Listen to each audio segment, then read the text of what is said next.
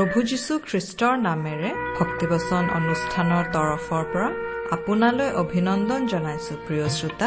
আজিৰে পবিত্ৰ ক্ষণতে উজলি উঠা খ্ৰীষ্টৰ জ্যোতি। প্ৰিয় শ্ৰোতা আপুনি ভালে কুশলে আছেনে? জীৱনৰ বিভিন্ন সমস্যাসমূহক জয় কৰি এক সুশৃংখল জীৱন যাপন কৰিবলৈ আমাৰ সকলোকে প্ৰয়োজন এজন প্ৰকৃত বন্ধু আৰু সাৰথী। এই সাৰথীজন হৈছে প্ৰভু যীশুখ্ৰীষ্ট। তেওঁ মানুহক মুক্তি আৰু প্ৰচুৰ জীৱন দিবলৈ ক্ৰুচত বলি হবলৈকো কুণ্ঠাবোধ নকৰিলে। সেয়েহে তেওঁহে আপোনাৰ মোৰ জীৱনক সঠিক পথেৰে আগবাঢ়ি যাওঁতে সহায় কৰিব পাৰে। তেওঁত আশ্ৰয় লৈ আমাৰ জীৱনে প্ৰকৃততে সঠিক জীৱনৰ বাট বিচাৰি পায়। গতিকে তেওঁৰ বিষয়ে আৰু অধিককৈ জানিবলৈ পবিত্ৰ বাইবেলৰ এই শিক্ষামূলক অনুষ্ঠান ভক্তিবচন মনোযোগেৰে শুনো কৰিলো মনত ৰাখিম আমি প্ৰতিক্ষণ। আজিয়েই কৰিলো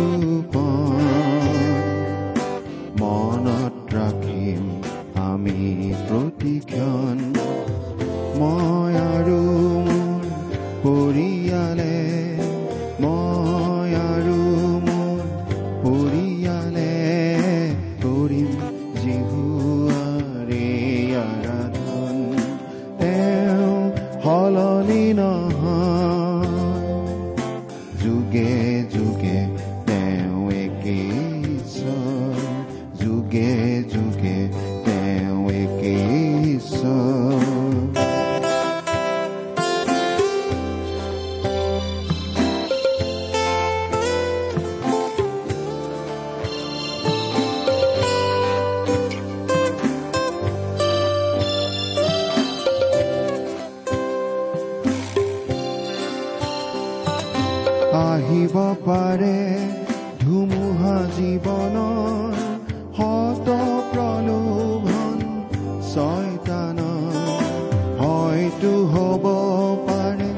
জীৱন বাটৰ প্ৰতি খোজে খোজে ছায়া বিপদৰ।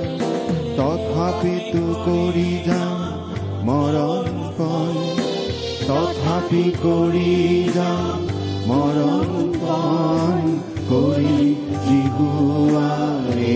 আৰাধন তেওঁ সলনি নহয়।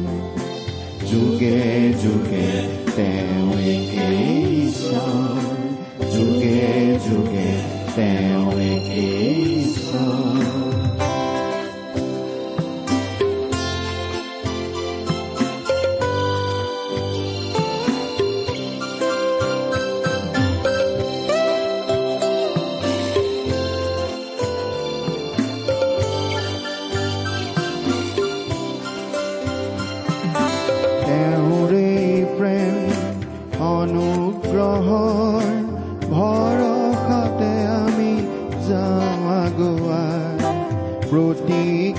খোজতে আশ্বাস সহায়ৰ তেওঁৱেই দিয়ে বাৰে বাৰে সোঁৱৰাই সেয়েহে আমি গোটেই জীৱন সেয়েহে আমি গোটেই জীৱন কৰি জিহুৱাৰে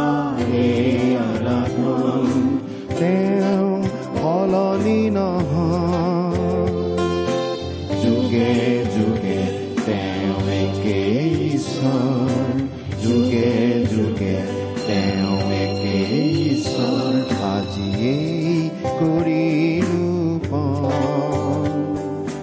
মনত ৰাখিম আমি প্ৰতিক্ষণ মই আৰু মোৰ পৰিয়ালে মই আৰু মোৰ পৰিয়ালে কৰিম জিহুৱাৰে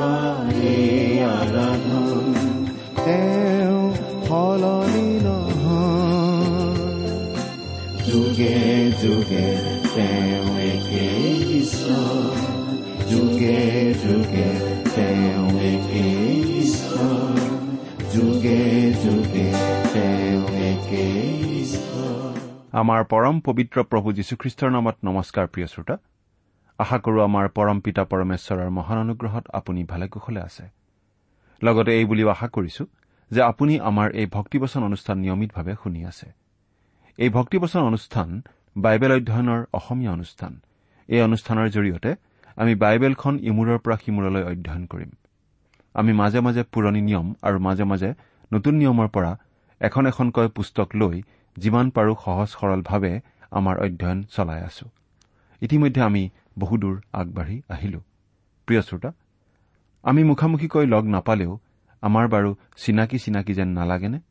আচলতে এই অনুষ্ঠান শুনি থকা কাৰণে আপোনালোকৰ লগত আমাৰ সন্মুখা সন্মুখী চিনাকি নহলেও আমাৰ এটা বিশেষ ধৰণৰ চিনাকি হৈ উঠাৰ নিচিনা হৈছে। আচলতে আমি পৰস্পৰে পৰস্পৰক কেতিয়াও দেখা পোৱাৰ সুবিধা হয়তো নঘটিবও পাৰে। ঈশ্বৰে তেনেকুৱা সুবিধা জন্মাই দিবও পাৰে অৱশ্যে। কিন্তু এটা কথা হলে আমি অতি দৃঢ়ভাৱে ক'ব পাৰো যে এই পৃথিৱীত নহলেও সৰগত আমি কিন্তু ইজনে সিজনক লগ পামেই যদিহে আমি খ্ৰীষ্টত আশ্ৰয় লৈছো। প্ৰভু যীশুত আশ্ৰয় লোৱা সকলো লোকেই এনেদৰে দৃঢ়ভাৱে ক'ব পাৰে। ইমান দৃঢ়ভাৱে বাৰু তেওঁলোকে কেনেকৈ ক'ব পাৰে? এনেদৰে আমি ক'ব পাৰো প্ৰভু যীশুৱে কৰা প্ৰতিজ্ঞাৰ ভিত্তিত।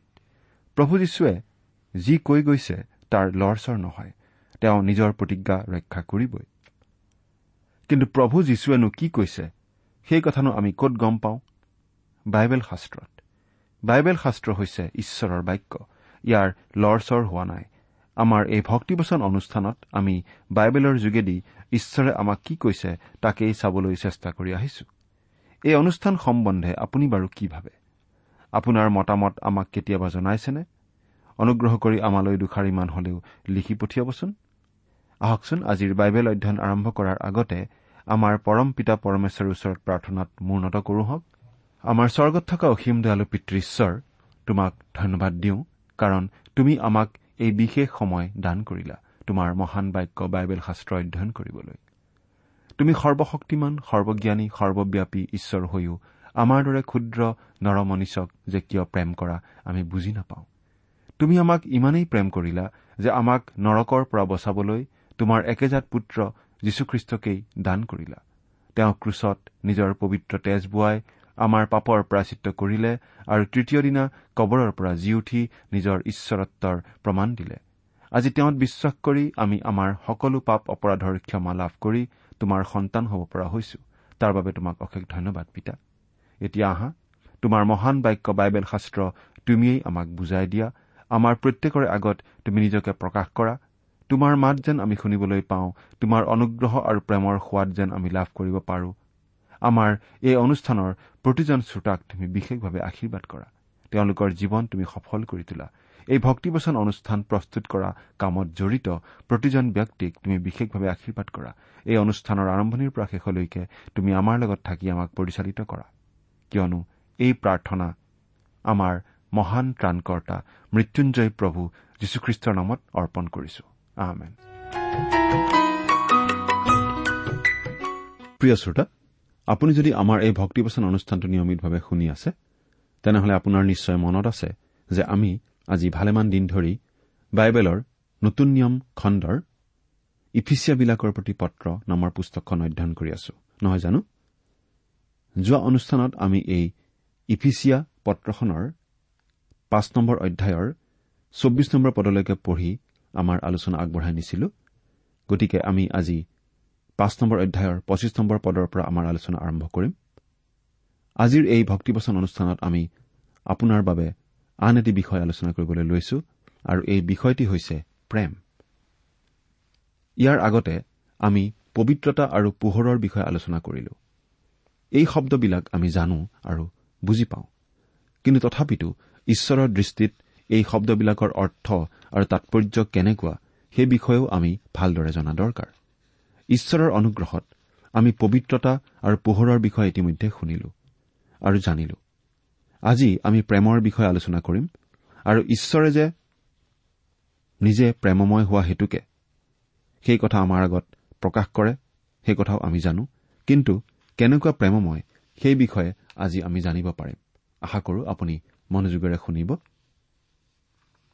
প্ৰেমৰ বিষয়ে আজি আমি ইফিচিয়া পত্ৰৰ পাঁচ নম্বৰ অধ্যায়ৰ পঁচিছ নম্বৰ পদৰ পৰা শেষলৈকে অৰ্থাৎ তেত্ৰিশ নম্বৰ পদলৈকে আলোচনা কৰিম। প্ৰথমতে আমি পাঁচ নম্বৰ অধ্যায়ৰ পঁচিছ নম্বৰ পদটো পাঠ কৰি দিব খুজিছো। লগত যদি বাইবেল আছে চাই যাব নহলে মনোযোগ দি শুনিব। হে পুৰুষবিলাক খ্ৰীষ্টে মণ্ডলীক যেনেকৈ প্ৰেম কৰিলে আৰু তাৰ কাৰণে নিজকে সোধাই দিলে তেনেকৈ তোমালোকেও নিজ নিজ ভাৰ্যাক প্ৰেম কৰা।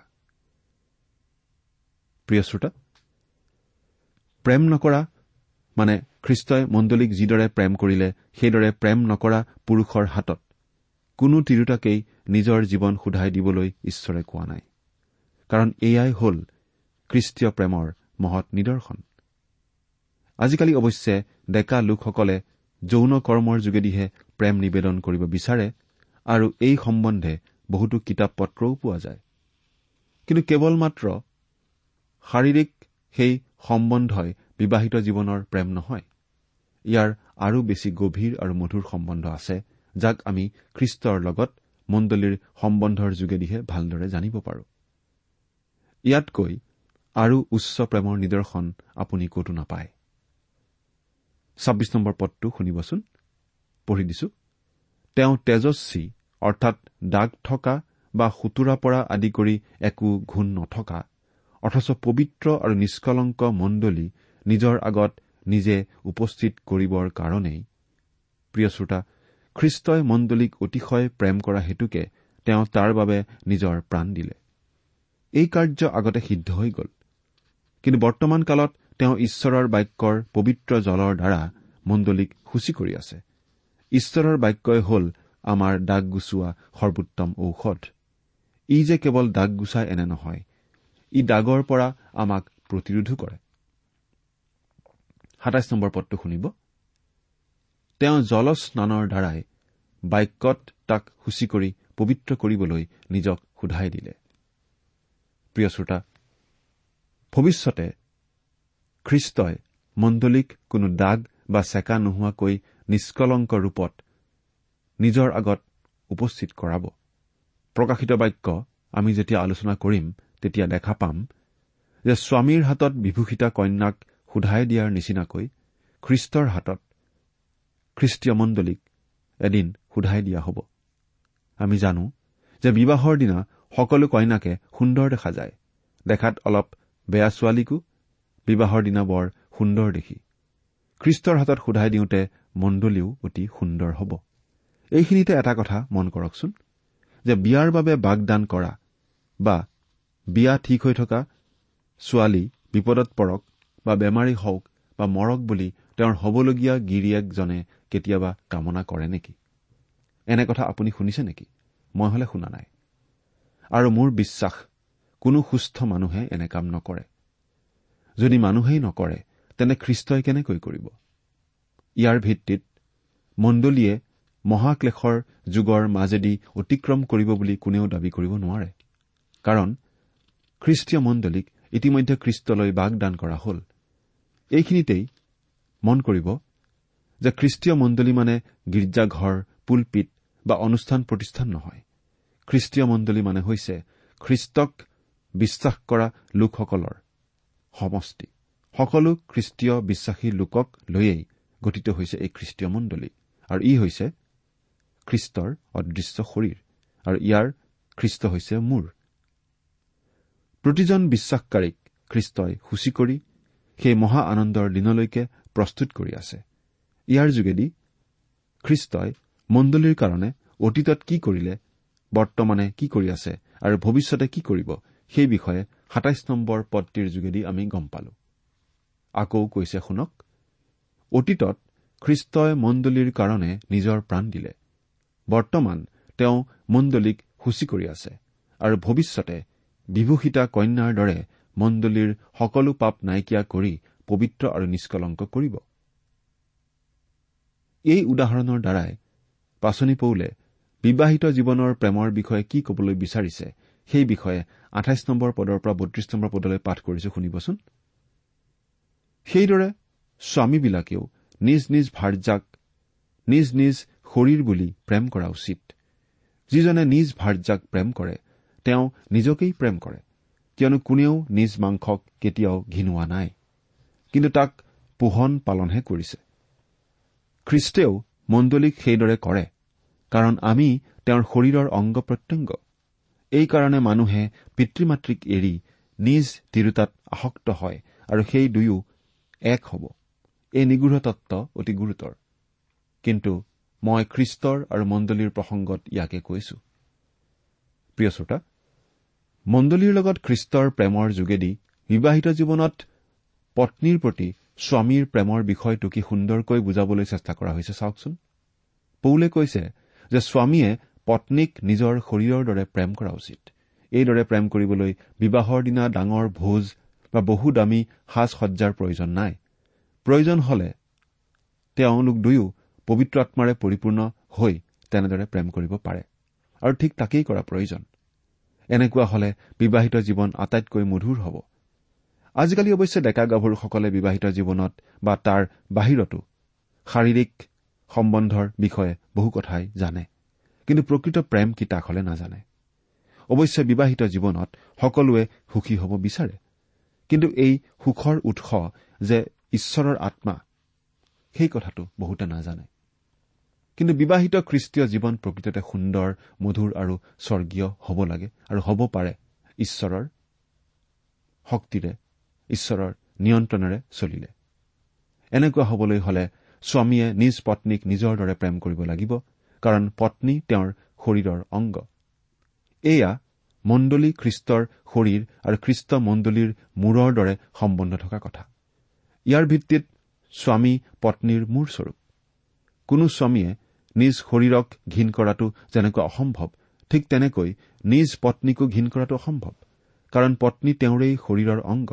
আনহাতে খ্ৰীষ্টই মণ্ডলীৰ দুৰ্বলতা জানে আৰু সেইকাৰণে ইয়াক ভালদৰে পালন পোষণ কৰে। ঠিক তেনেকৈ স্বামীয়েও পত্নীক একেদৰে কৰা উচিত।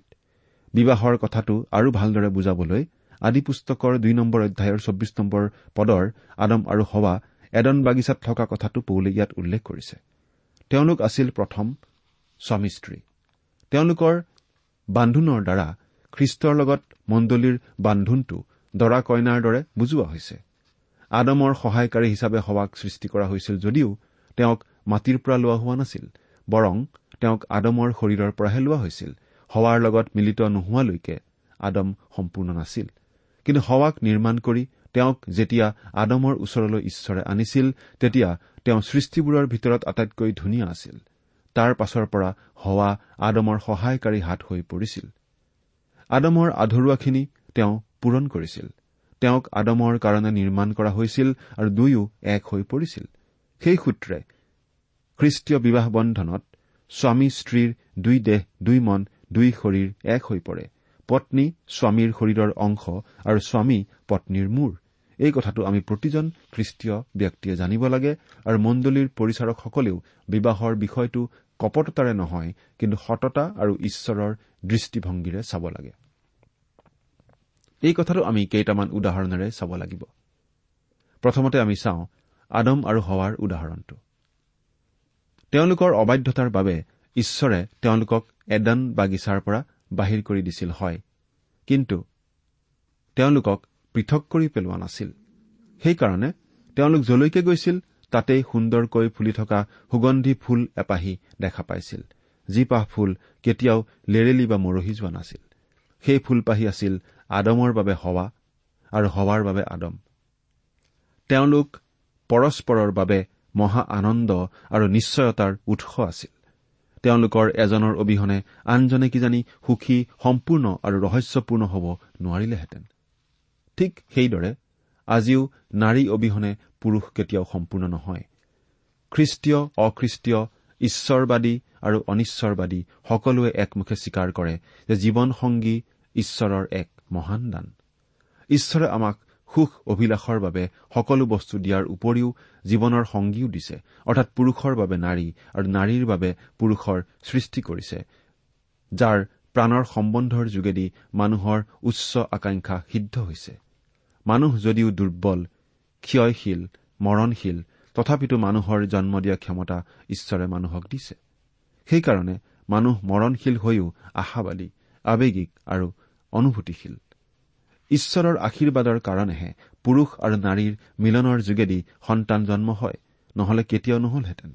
অৱশ্যে বিবাহৰ যোগেদিহে সন্তান জন্ম দিয়া কাৰ্যক ঈশ্বৰে আশীৰ্বাদ কৰিছে। সেইকাৰণে ঈশ্বৰৰ দৃষ্টিত বিবাহ প্ৰশংসনীয়। প্ৰভু যীশুৱেও বিবাহক আশীৰ্বাদ কৰিছে। এই কথাটো আমি সকলোৱে জনা উচিত। খ্ৰীষ্টীয় লোকসকলে জানিবই লাগে আৰু মণ্ডলীৰ পৰিচালকসকলেও এই কথাটো জনা অতিকৈ প্ৰয়োজন। নহলে মণ্ডলীত খেলি মেলি আনকি বিদ্ৰোহৰো সৃষ্টি হ'ব পাৰে। আজি আমাৰ প্ৰত্যেকৰ বৈবাহিক জীৱনত স্বৰ্গীয় প্ৰেম আৰু ঈশ্বৰ বিশ্বাসৰ প্ৰয়োজন। আনহাতে মণ্ডলীৰ নেতাসকলৰ আন এটা চৰিত্ৰ আমি দেখিবলৈ পাওঁ। আজি বহুতো মণ্ডলীৰ নেতা তেওঁলোকৰ কপট আৰু মানুহক দুখ দিব পৰা নীতি নিয়মত আকুৰগোজ হোৱা উচিত নহয়। আজি আমি ডেকা গাভৰুসকলক ক'ব বিচাৰিছো যে প্ৰেমত বলিয়া হৈ তেওঁলোকে যাকে পায় তাকেই জীৱনৰ সংগীৰূপে গ্ৰহণ কৰাতকৈ পবিত্ৰ আত্মাৰে পৰিপূৰ্ণ হৈ ঈশ্বৰৰ ইচ্ছা কি তাক প্ৰথমতে জানিবলৈ চেষ্টা কৰিব লাগে।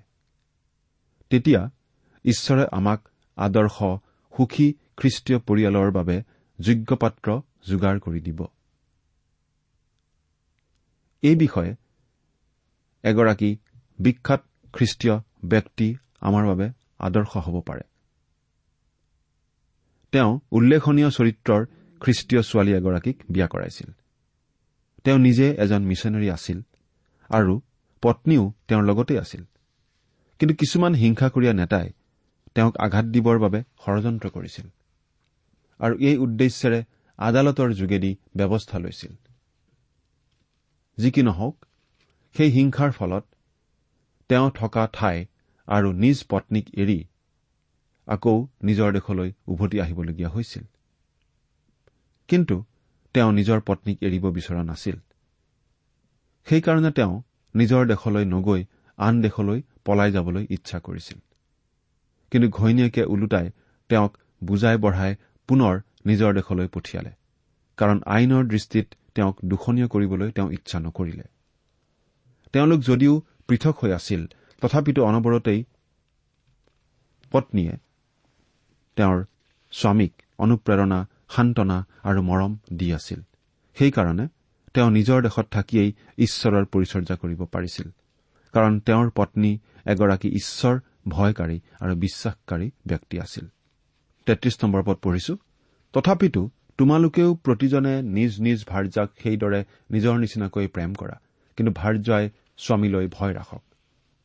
তথাপিতো শব্দটোৰ দ্বাৰা আমি পৃথিৱীত থকা মানুহবিলাকক আজি এইদৰে কোৱা হৈছে যে বিবাহৰ ক্ষেত্ৰত আমি নিজ ভাৰ্যাক নিজৰ দৰে প্ৰেম কৰিব লাগে। এয়াই স্বৰ্গীয় প্ৰেম। আন সকলোকে বিনষ্ট কৰাৰ দৰে পাপে এই প্ৰেমকো নষ্ট নকৰাকৈ থকা নাই। কিন্তু তথাপিতো আন নহলেও বিবাহৰ ক্ষেত্ৰত আপুনি এই প্ৰেমৰ অধিকাৰী হ'ব পাৰে। এখন সুখী ঘৰ এটি সুখী পৰিয়াল য'ত খ্ৰীষ্টীয় প্ৰেম থাকে তাত স্বামী ভাৰ্যাই মিলিত হৈ ঈশ্বৰৰ গৌৰৱ প্ৰকাশ কৰিব পাৰে। কাৰণ এটি সুন্দৰ খ্ৰীষ্টীয় পৰিয়াল হ'ল স্বৰ্গৰ নিদৰ্শন। এই নিদৰ্শন প্ৰকাশ কৰাত ঈশ্বৰে আমাক সকলোকে সহায় কৰক। স্বামীসকলে নিজ নিজ ভাৰ্যাক নিজৰ দৰে প্ৰেম কৰাত ঈশ্বৰে সহায় কৰক। এই প্ৰেমত প্ৰতিগৰাকী ভাৰ্যায়ো স্বামীক সহায় কৰক। পবিত্ৰ আত্মাৰ যোগেদি সকলোৰে বাবে এই প্ৰেম সম্ভৱপৰ হৈ উঠক। আজি আমি এই ইফিচিয়া পুস্তকৰ পাঁচ নম্বৰ অধ্যায়টো আলোচনা কৰি শেষ কৰিলো। আশা কৰো ইয়াৰ যোগেদি আমি অনেক শিক্ষা জ্ঞান লাভ কৰিবলৈ সক্ষম হৈছো। আগন্তুক আলোচনাবিলাকৰ যোগেদিও ঈশ্বৰে আমাক আশীৰ্বাদ কৰক। এই আশাৰে আজিলৈ আপোনালোকৰ পৰা বিদায় মাগিব খুজিছো। কিন্তু তাৰ আগতে আপোনাক এটা কথা আকৌ সোঁৱৰাই দিব খুজিছো। প্ৰতিজন খ্ৰীষ্টীয় বিশ্বাসী হৈছে খ্ৰীষ্টৰ শৰীৰ অৰ্থাৎ মণ্ডলীৰ অংগ। খ্ৰীষ্টৰ কন্যা হৈছে এই মণ্ডলী। এই মণ্ডলীক খ্ৰীষ্টই প্ৰেম কৰে। এই মণ্ডলীৰ কাৰণেই খ্ৰীষ্টই ক্ৰুচত আপোন প্ৰাণ দিলে। এই মণ্ডলীক এদিন খ্ৰীষ্টই লৈ যাবহি স্বৰ্গলৈ। অৰ্থাৎ আমাক প্ৰতিজন খ্ৰীষ্টীয় বিশ্বাসীক তেওঁ স্বৰ্গলৈ লৈ যাব। স্বৰ্গত মণ্ডলীৰ সৈতে খ্ৰীষ্টৰ বিবাহ অৰ্থাৎ মিলন হ'ব। সেই মিলনৰ বাবেই প্ৰতিজন খ্ৰীষ্টীয় বিশ্বাসীয়ে অধীৰ আগ্ৰহেৰে বাট চাই থাকে। সেই মিলনৰ পাছত আমি খ্ৰীষ্টৰ সৈতে স্বৰ্গত থাকিবলৈ পাম অনন্তকালৰ বাবে। এই দুখ যন্ত্ৰণাৰে ভৰা পৃথিৱীৰ পৰা আমি উদ্ধাৰ পাম। প্ৰিয় শ্ৰোতা এই কথাটো বাৰু আপুনি মনত ৰাখিছেনে? প্ৰভু যীশুখ্ৰীষ্টক আপোনাৰ ত্ৰাণকৰ্তা আৰু প্ৰভু বুলি গ্ৰহণ কৰি আপুনি বাৰু তেওঁৰ শৰীৰৰ অংগ হৈছেনে? তেওঁ যে আপোনাক স্বৰ্গীয় প্ৰেমেৰে প্ৰেম কৰে সেইটো আপুনি অনুভৱ কৰিছেনে? এবাৰ চিন্তা কৰি চাওকচোন। ঈশ্বৰে আপোনাক আশীৰ্বাদ কৰক। আহমেদ প্ৰিয় শ্ৰোতা ইমান পৰে আপুনি বাইবেল শাস্ত্ৰৰ পৰা ঈশ্বৰৰ বাক্য শুনিলে। এই বিষয়ে আপোনাৰ মতামত জানিবলৈ পালে আমি নথৈ আনন্দিত হ'ম। আমি প্ৰস্তুত কৰা বাইবেল অধ্যয়নৰ চিডিসমূহ পাব বিচাৰিলে আৰু অনুষ্ঠানত প্ৰচাৰ কৰা কোনো কথা বুজিব লগা থাকিলেও আমালৈ লিখক। আমাৰ যোগাযোগৰ ঠিকনা ভক্তিবচন ট্ৰান্সৱৰ্ল্ড ৰেডিঅ' ইণ্ডিয়া ডাক বাকচ নম্বৰ সাত শূন্য গুৱাহাটী সাত আঠ এক শূন্য শূন্য এক। ঠিকনাটো আকৌ এবাৰ কৈছো ভক্তিবচন ট্ৰান্সৱৰ্ল্ড ৰেডিঅ' ইণ্ডিয়া ডাক বাকচ নম্বৰ সাত শূন্য গুৱাহাটী সাত আঠ এক শূন্য শূন্য এক।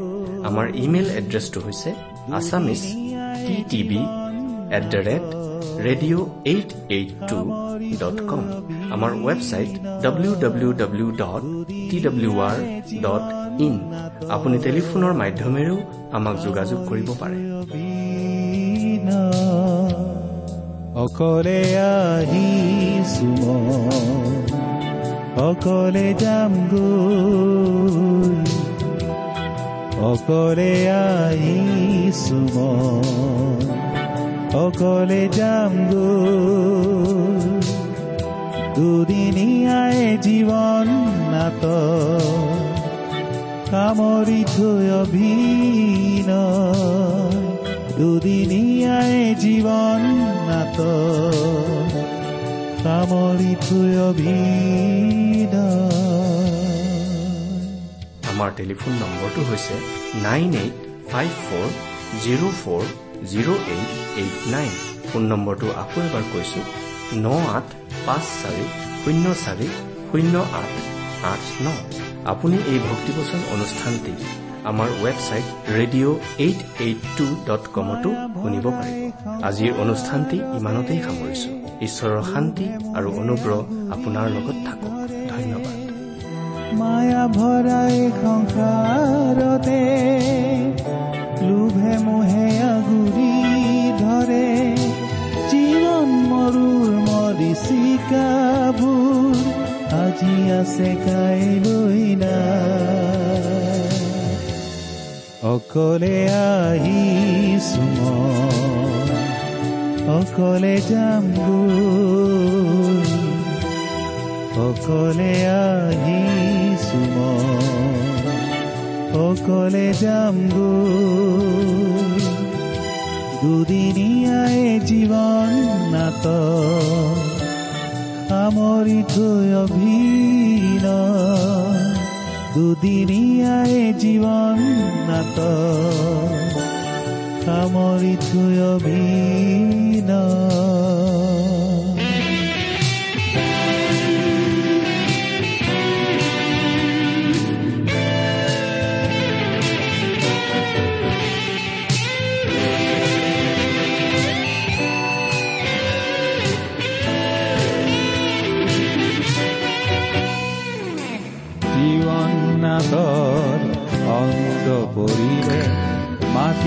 দেহাতি মাটিতে মিলিলে জীৱন নাটৰ অন্ত পৰিলে মাটিৰ দেহাতি মাটিতে মিলিলে ধনৰ টুকুলা বিলাসী বহলা ধনৰ টুকুলা বিলাসী বহলা যাম সকলোকে